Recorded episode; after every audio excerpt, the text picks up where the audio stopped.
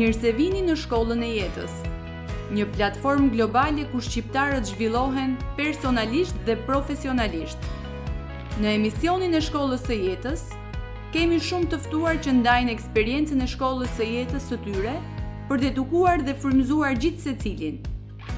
Bëhuni pjesë në komunitetin e gjerë të Shkollës së Jetës në grupin në Facebook dhe Instagram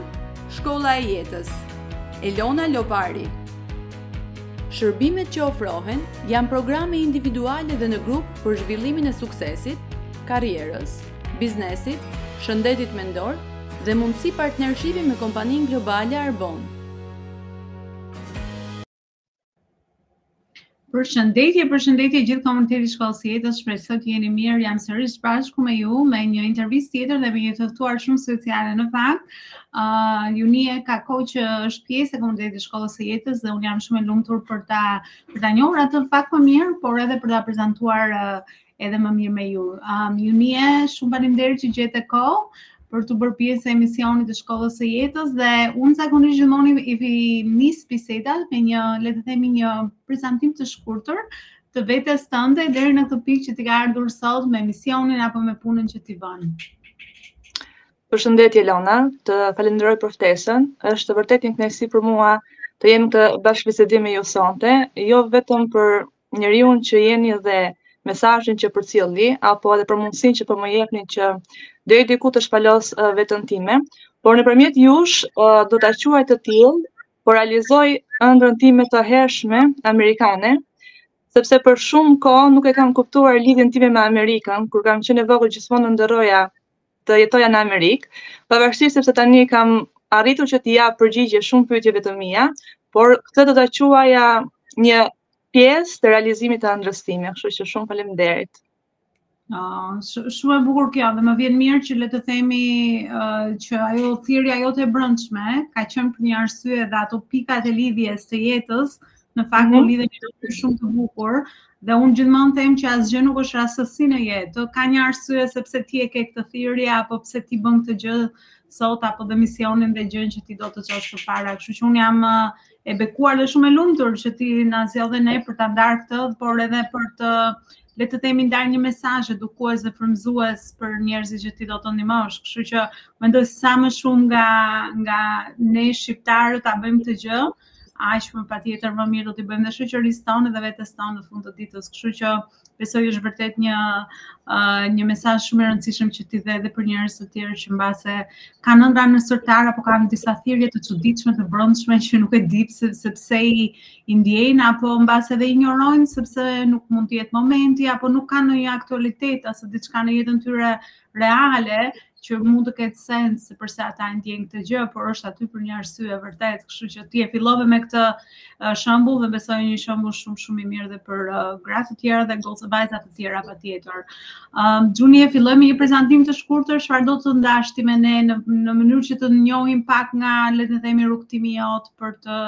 bërë disa pika lidhje le të themi dhe ne uh, se ku ke qenë dhe ku je tani dhe ku do të shkosh le të themi në të ardhmen tënde të artë. Po. Po nis me një prezantim për veten time dhe më pas mbi rrugëtimin tim. Unë jam Junie Gjelo, jam në qytetin e Beratit, jetoj prej 10 vitesh tashmë, jam e martuar, nënë e dy fëmijëve, Origjina ime është Shqipëria e Veriut, konkretisht qyteti i Kukësit. Jam lindur dhe jam rritur atje. Kam studiuar në Universitetin e Tiranës dhe prej gati tre vitesh kam nisur rrugëtimin tim të zhvillimit personal. Edhe tashmë mund ta quaj veten një mentore të re në këtë drejtim. Mm. Sa e bukur, kemi pas kemi ngjashmëri dhe në origjinën, le të themi nga veriu, unë e them gjithmonë me krenari. Uh, por patjetër uh, besoj që gjithë pjesët e jetës tonë ose mënyra e rrugëtimit që në vegjëli, patjetër ka shumë lidhje me gjënë që ne bëhemi apo kush ne bëhemi kur ne rritemi. Po. Besoj po. që janë disa nga vlerat që na le të themi na uh, bashkangjiten rreth rrugëtimit tonë dhe ne pa kuptuar ose në mënyrë të pavetëdijshme, meqë dhe ti je futur në këtë fushë në zhvillim personal, i ti manifeston në jetën tënde reale dhe me njerëzit që të rrethojnë. Dhe kjo do të ishte një një nga le të themi një pyetje që unë kam për ty në bazë të prezantimit që ti bëre pjesa e vlerave. Çfarë janë disa nga vlerat që ti ke marrë nga familja jote apo nga rrugëtimi jote apo nga fëmijëria jote apo nga qyteti që ti ke jetuar apo dhe nga prejardhja që ti mendon janë vërtet pjesë e karakterit tënd sot dhe kur e reflekton mbrapsht e sheh që ok, këto janë disa nga vlerat që unë jam vërtet falënderuese që i paskam marrë dhe të jam bërë në mënyrë organike kush ti je sot. Po, ë uh, për t'iu përgjigjur pyetjes suaj, Një nga vlerat të cilat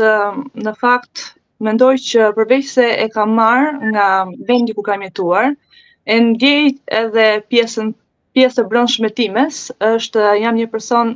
shumë i sinqert, origjinal, i vërtetë. Edhe kjo gjë më ka ndihmuar shumë në këtë rrugëtimin tim të zhvillimit personal. Këtu duhet të ndalesha pak Elona, të bëj një shpjegim të shkurtër dhe për të kuptuar më pas gjenezën e asaj se çfarë do të them, sepse uh, vërtet uh, rrugëtimi i jetës është vërtet një është shumë i rëndësishëm në atë se çfarë ne do të bëhemi më pas. Um, që kur kam nisur të merrem me zhvillim personal, kam arritur që t'i jap uh, disa përgjigje uh, shumë prej pikëpyetjeve të mia, si atyre të ngritura në kohë, por edhe atyre aktuale. Dhe një nga këto pyetje që unë i bëja shpesh vetes ashtu siç e the dhe ju në fillim që disa njerëz mendojnë disa gjëra, ndjejnë disa gjëra, por s'i japim dot shpjegim, e tillë isha dhe unë. Edhe një nga, nga këto ka qenë nëse mësuesia ishte profesioni që unë doja, apo ajo se çfarë kishte zgjedhur familja ime për mua. Sepse uh, mësuesia është ka ardhur në jetën time bashkë me me lindjen time. Në atë periudhë, ëm um, nëna ime zgjedh këtë emër për mua, sepse ishte një mësuese e cila quhej Junie dhe njihej për ëm um, kujdesin e madh që tregonte ndaj nxënësve të saj. Dhe nëna ime zgjedh këtë emër për mua që unë të bëhem një mësuese, po aq e mirë sa ajo. Me siguri që e ka zgjedhur sepse nëna nuk jeton më, me siguri që e ka zgjedhur që të bëhem ndoshta edhe më e mirë sa ajo. Kështu që unë vazhdoj rrugëtimin tim me këtë ide në mendje që unë kur të rritem do të bëhem mësuese, më shumë në fakt e nxitur nga familja. Edhe pasi përfundoj maturën, aplikoj në Universitet për Shkenca Politike Elona, sepse nuk i mhm. kisha dhënë përgjigje kësaj dilemës time, nëse doja unë apo më dukej në fakt më shumë si një lloj presioni le të thosha, pavarësisht se nuk ma bënin presion, po thjesht ideja që ti të rritesh do bëhesh mësuese. Doja diçka që ta zgjidhja unë të isha unë uh, pronari i ëndrrave të mia i së ardhmes time, dhe gjithashtu doja një profesion në fakt i cili të më jepte mundësinë të shprehja potencialin tim dhe mendimin tim plotësisht nëpërmjet fjalës, gjë që të cilën shumë shpejt nuk e gjeta në atë fushë, dhe e lumtur për t'iu kthy, për t'iu rikthyer mësuesisë disa vite më vonë, në, në degën e historisë, Edhe uh, shumë e kënaqur për këtë, sepse tashmë më në fund i dhashë uh, i dhashë uh, përgjigje uh, pyetjes time. Në atë periudhë nuk kisha nisur rrugën e zhvillimit personal. Edhe uh, gjatë zhvillimit të, të universitetit e vura sërish Elona në pikë pyetje. Këtë herë jo për faktin nëse e doja, por për faktin nëse do ta përmbusha si duhet, sepse duke ditur që historia është një fushë që kërkon shumë hulumtim dhe duke njohur veten time që uh, unë jam një person që atë se çfarë ua them të tjerëve dua fillimisht ta besoj vetë, edhe e ndjeva të nevojshme që të vazhdoja më thellë në këtë rrugë, pra të nisja uh, të ngrija shkallën nga mësuesia në pedagogji, Por uh, gjatë kësaj periudhe shëndeti nuk më më favorizon dot në këtë rrugëtim, kështu që rrugëtimi im profesional me, le ta themi që ndërpritet aty. Më pas këtu nis një periudhë e vështirë për mua, si fizike, ashtu edhe emocionale, dhe këtu njoha uh, zhvillimin personal. Fillova të ndjek video, fillova të ndjek trajnime, Edhe aty kuptova që unë vërtet e doja mësuesinë, por këtë herë e doja mësuesinë jo për t'ju shpjeguar dhe për të qenë pranë të rinjve, për t'ju treguar të vërtetat historike, por për të qenë me ta, për të krijuar historinë e tyre të bukur, më të bukur. Dhe ë njerëzit janë të shumtë, nevojat janë të shumta, dhe unë kam kam ndjerë që të jem pranë pranë të rinjve, gjë të cilën e kam bërë gjithmonë, që kur kam qenë që nga klasa e parë dhe deri sa kam mbaruar fakultetin unë gjithnjë kam qenë pranë nxënësve, pranë studentëve, jo vetëm duke i ndihmuar sepse kam qenë një nxënëse dhe një studente ekselente, jo vetëm duke i ndihmuar nga ana akademike, por uh, kam qenë gjithmonë aty duke motivuar, duke i dhënë shpresë, mbështetje, edhe aty nisa që të jem pranë vendosa përfundimisht që të jem pranë studentëve. E ndjeva që dua të jem pranë studentëve, sepse studentët janë, kam qenë vetë studente, keni qenë dhe ju vetë studente, dhe është një periudhë kur je i rritur për të marrë vendimet e tua, por ti nuk je aq i rritur për t'i marrë vendimet e tua. Është një forcë, është një lloj detyrimi që ti tashmë ke dalë në jetë, ti duhet t'i marrësh vendimet e tua, por aty është një emocion aq i madh, aq i fuqishëm, sa unë Lona um, unë kam kur kam nisur rrugën e zhvillimit personal, të gjitha motivimet që merrja nëpër mentorë të tjerë në librat e mi tashmë të zhvillimit personal, që lexoja fillova t'i ndaja në Instagram, filluan ndjekësat, filluan komentet, mesazhet, edhe në bërë gati Instagramit, nuk jam shumë e mirë në këtë fushë, dhe m'u mbyll Instagrami, e riktheva sërisht, tashmë me një me një strategji pak më të qëlluar, duke u përqendruar tek vetëdisiplina, sepse unë kam qenë një person me një vetëdisiplinë të hekurt, por gjatë kësaj periudhe kur përjetova vështirësinë fizike um, dhe emocionale, aty ndjeva që unë pashë një lëkundje në vetëdisiplinën time dhe aty për herë të parë unë fillova t'i mirëkuptoja të gjithë personat të cilët më përpara i kisha kritikuar se përse nuk e bën këtë gjë, si nuk je kaq i disiplinuar, nuk ke vullnet, nuk i kuptoja sepse vetë isha një person me shumë disiplinë. Dhe uh, duke kuptuar këtë pjesën vendosa që të të hulumtoj rreth vetëdisiplinës dhe të përcjell ato mesazhe në mënyrë të përmbledhur që unë mendoja që do t'ju hynin në punë të tjerëve. por aty unë e pashë që nuk e gjeta veten plotësisht edhe u shkëputa për gati rreth një vit. Nuk postova më asgjë në Instagram, prandaj ju kam thënë dhe juve që do të zhvillojmë intervistën më vonë, sepse isha në këtë periudhën e pauzës, por jo për ta gjetur se çfarë dua, sepse unë thosha që ok, do marr pushim dhe do të gjej se çfarë dua unë. E vërteta ishte që unë po bindja veten për të pranuar atë se çfarë doja, sepse që në postimet e para që kam bërë në rrjetet sociale kisha studentët, uh, ish kolegët e mi, studentët e tjerë që njiheshim dhe kishim follow njëri-tjetrin me shpresën që t'i shikonin ata dhe të uh, të motivoheshin ata. Dhe uh, aty pastaj aty pastaj fillova duke ashtu siç thoni ju duke bërë pikat e lidhjes, edhe vendosa e ëm domethënë e pranova realitetin, e pranova që unë dua të ndihmoj studentët. Dhe tashmë në në ah. faqen time të Instagramit, një faqe të re, të cilën e kam krijuar, e cila quhet Unë jam student, është një faqe motivuese për studentët, konkretisht ka në fokus vitet e para, duke qenë sepse ata nuk kanë eksperiencë për to. Si ka marrë rrjedhën e historisë, po merr rrjedhën, nuk përshërë. Okay. E di se është pasioni, ta qaj hallin se kanë të njëjtin problem. Po ja, doja t'i merrja disa pika shumë të rëndësishme në fakt që ti po ndaje, po se unë po dëgjoj shumë me vëmendje dhe nuk është çudi që rrugëtimi yt ka ardhur në këtë mënyrë që si ka ardhur, sepse patjetër duhet tani je e thirrur për këtë mision të ri. Edhe po, mirë se vjen në, në gjënë e re dhe është patjetër do të sfidojë dhe patjetër do të gjej, do të rrisë shumë, edhe personalisht edhe profesionalisht nga gjitha dimensionet, por do të ndalja te pjesa ku ti le të themi ishe projektuar për pjesën e mësuesisë, por jeta ose rrethanat ose kushtet kishin një plan tjetër për ty dhe ti nuk u dorëzove, por përsëri fillove, kuriozove për të gjetur uh, përgjigjet e duhura përmes fushës së zhvillimit personal, sepse besoj që zhvillimi personal sa më shumë njerëzit tani ta kuptojnë, mund t'i futesh edhe nga qejfi, se ke ambicie të mira për veten, edhe do të ecësh, por shumica e njerëzve duke përfshirë dhe mua, futen sepse kanë një konflikt me jetën e tyre, nuk ndihen mirë, domethënë kanë disa le të themi konflikte të brendshme që nga jashtë duket tjetër, nga brenda ti nuk ndihesh mirë, sepse është mënyra se si ne patjetër të dëgjojmë ose të shohim ato bllokimet që ne kemi apo frikërat apo historitë e vjetra që mund të kemi që mund të na pengojnë në, në rrugën që ne duam të ecim dhe ti pak a shumë të njëjtën gjë theksove dhe patjetër duhet të jesh e hapur te ky mision i ri dhe ka një arsye pse ti patjetër ke zgjedhur Instagramin dhe ke zgjedhur studentët sepse aty ti le të themi ke më shumë eksperiencë dhe ke edhe përvojë nga jeta jote personale në mënyrë që t'i ndihmosh ata me pjesën e vetëbesimit dhe me pjesën e vetëdisiplinës sepse në fund të ditës mendoj disiplina është diçka që i ndan njerëzit që ne admirojmë që kanë arritje të jashtme dhe të brendshme, se sot nuk ka shumë rëndësi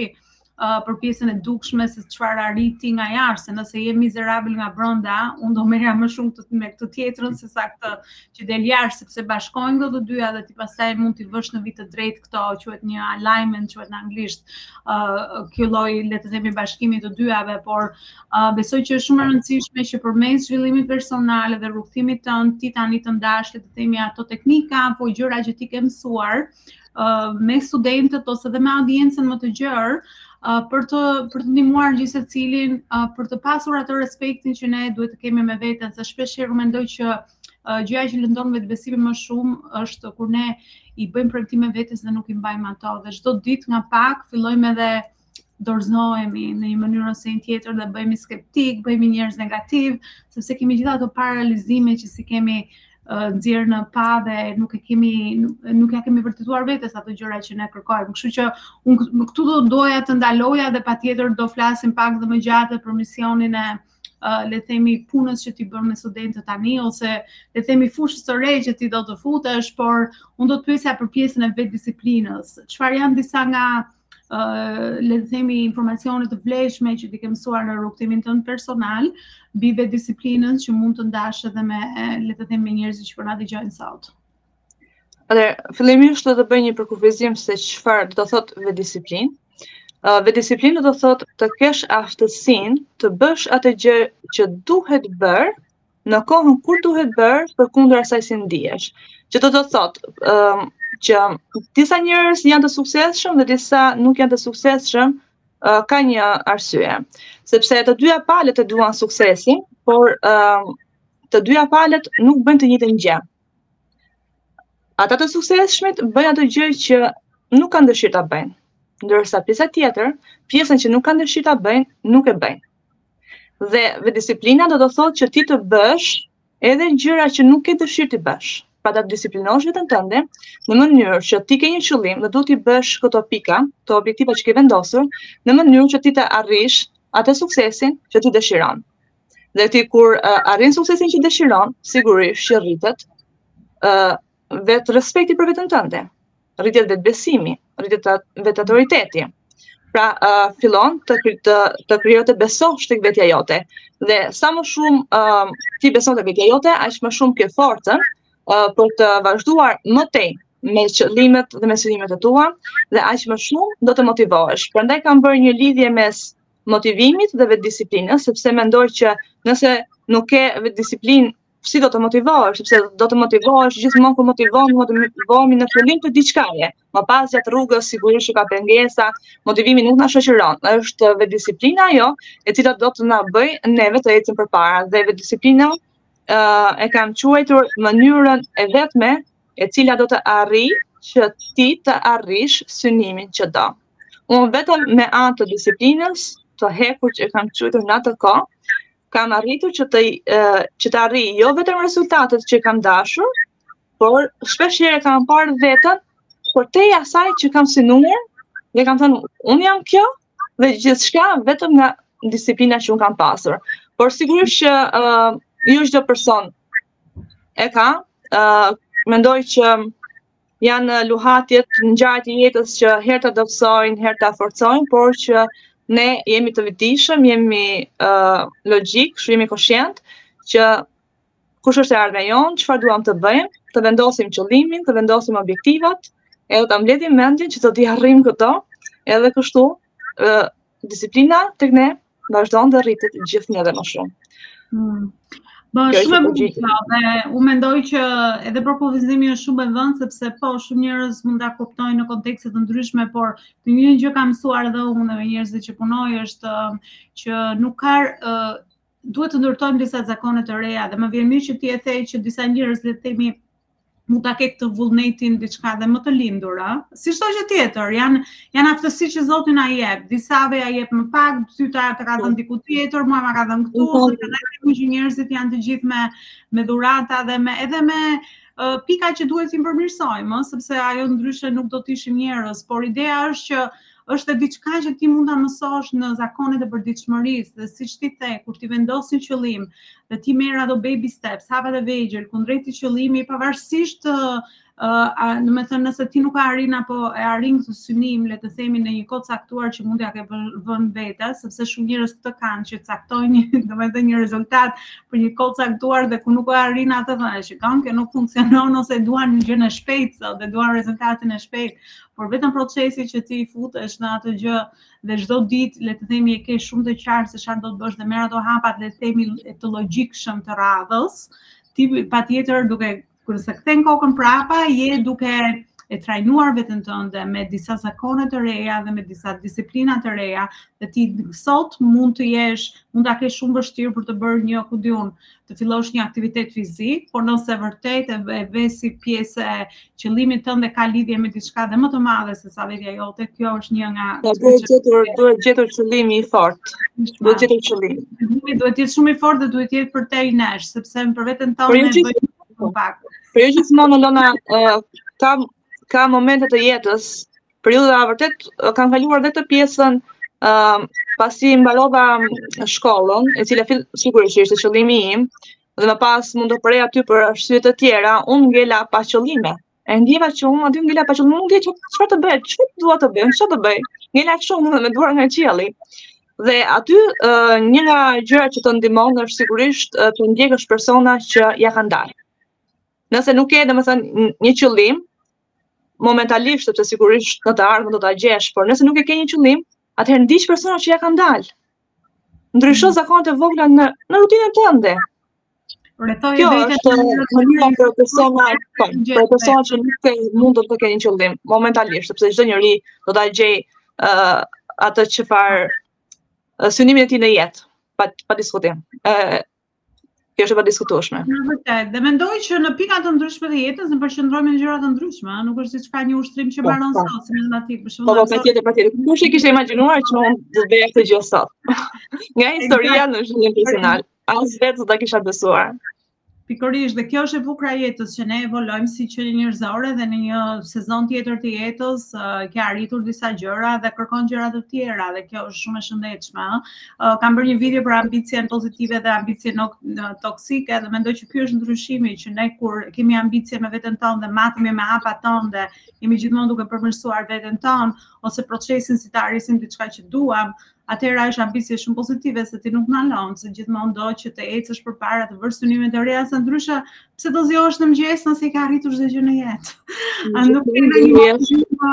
tjetër për tu për tu zgjuar sepse nuk ka nuk ka gjak, nuk ka energji, uh, truri jot, vetja jote, kështu që besoj është uh, patjetër qëllim, një qëllim për t'ia vënë vetes është shumë shumë gjë e shëndetshme se të mban të ri nga gjitha anët, shpirtin e ri, mendjen e re, gjithmonë duke ushqyer veten me gjëra të mira, dhe gjithmonë duke ecur përpara dhe nuk e ka pastaj të xhelozosh apo nuk e ka që të rrëzosh dikë tjetër, nuk e ka ku di unë të komentosh negativisht në rrjete sociale, nuk të del koha ta premtoj unë se ke gjithmonë gjëra që do të bësh për veten tënde. Dhe pastaj gjithmonë duhet të jesh në garë me veten tënde. Thjesht të kthesh kokën pas, të shikosh ku ke qenë, ku do arrish, ku je, dhe asnjëherë me të tjerët. Mënyra më e keqe, nëse do që ta shkatërrosh veten tënde thjesht, shiko ç'kanë bërë të tjerët krahaso me të tjerët, dhe e ke të sigurt që ke për ta shkatërruar veten. Gjithmonë në garë me veten tënde.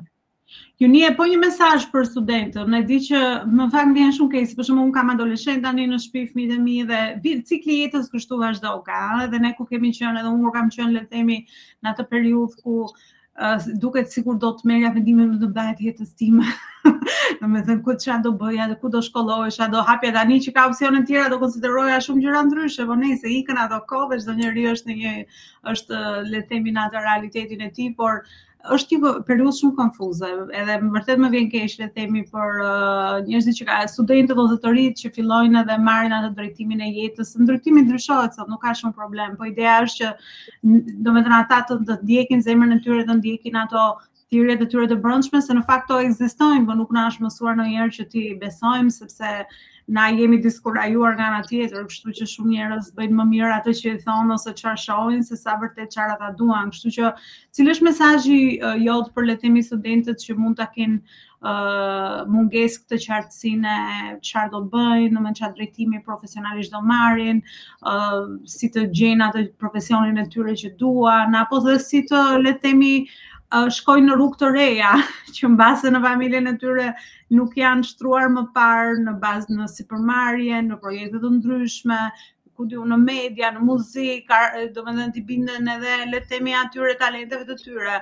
uh, sepse unë mendoj që vërtet ato kanë më shumë informacion sot se ç'kishim ne për shembull kur e krahasoj veten kur kam qenë ose mbase dhe dhe kur ti ke qenë student ose më më e vogël në atë fazë të jetës. Cili është mesazhi që do t'i jap studentëve që mund të ndjehen pak të humbur në këtë në këtë lloj faze? Uh, do ta nis me një shembull nga vetja. Unë uh, kam qenë një studente që jam, ka tipe të ndryshme studentësh. Unë isha nga ata që isha fokusuar shumë tek librat. Domethënë, nuk argëtohesha, uh, as nuk punoja, sepse isha fiksuar që tek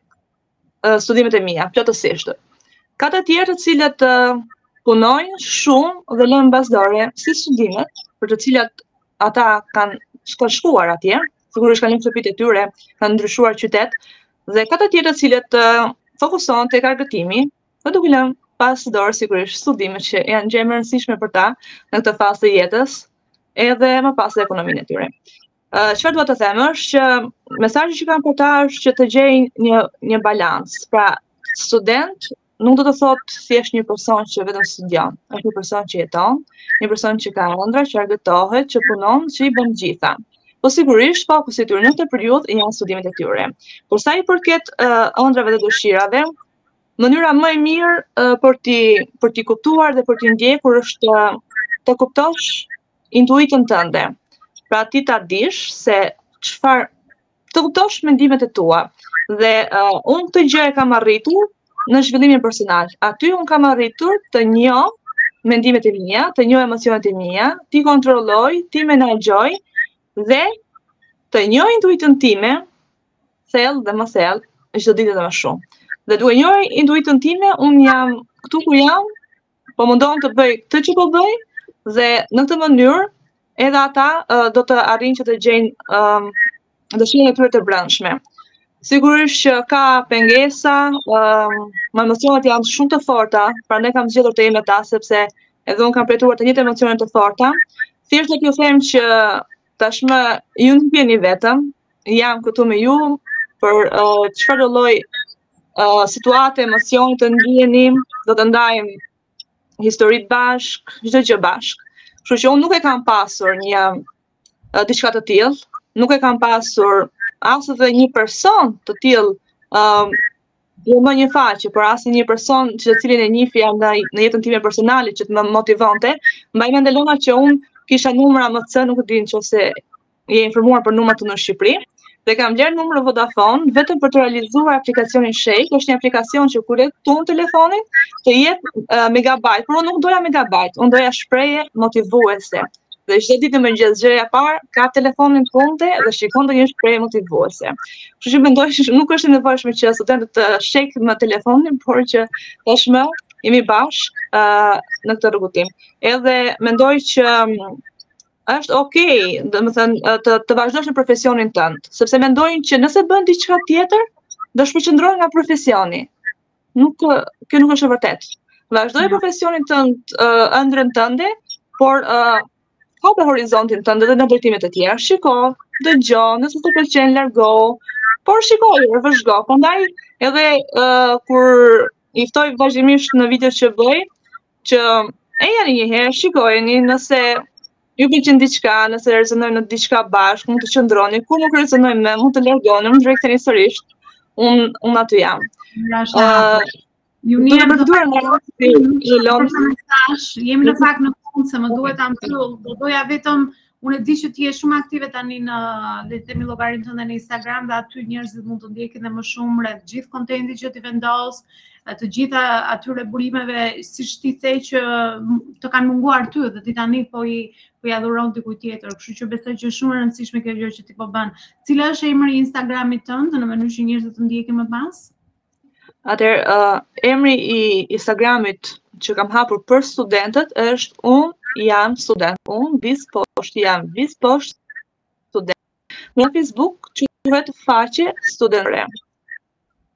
Ok, super. Atëherë unë do ta vendos edhe linkun edhe për prindërit që po na dëgjojnë, se shpeshherë kjo është uh, gjëja edhe me prindërit që duan që fëmijët e tyre të ecin, por nganjëherë dëgjojnë më mirë dikë tjetër, influencon më mirë sesa prindërit e tyre, kështu që ja kjo është një mënyrë se si ata të ekspozohen te kontenti është shumë i vlefshëm për ta, kështu që edhe për prindit do jetë besoj diçka shumë shumë e vlefshme. Juni e unë të falenderoj shumë që erdhe sot, të falem të uroj shumë suksese në rrugëtimin tënd, asnjëherë mos na lë.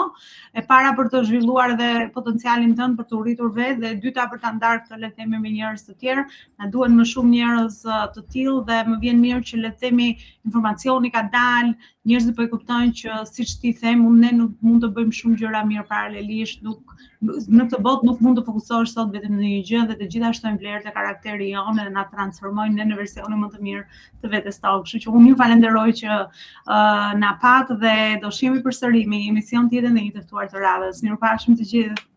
Të falenderoj, mirupafshim.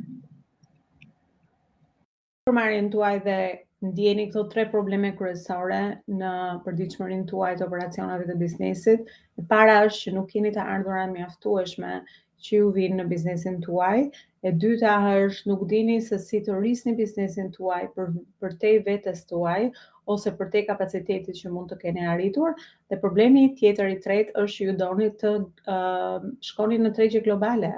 Uh, doni të shkoni përtej tregut që ju shërbeni tashmë, por nuk e dini se cili, cilat janë strategjitë ose mënyrat më të mira për ta bërë këtë. E atëherë unë jam shumë e lumtur për të ofruar një konsulencë falas 30 minutëshe në mënyrë që të dëgjoj pak më shumë se ku jeni dhe çfarë kërkoni të bëni dhe le të themi të ndaj strategjitë e mia me ju, duke ju dhënë një uri dhe uh, informacion se ku jeni tani dhe ku çfarë ju duhet në fakt të bëni për të shkuar atje ku ju kërkoni në bazë të atyre tre qëllimeve uh, që përmenda në këtë video. Uh, për një takim konsulence falas, mund të më dërgoni një mesazh dhe patjetër do jetë kënaqësi të bisedojmë më tej.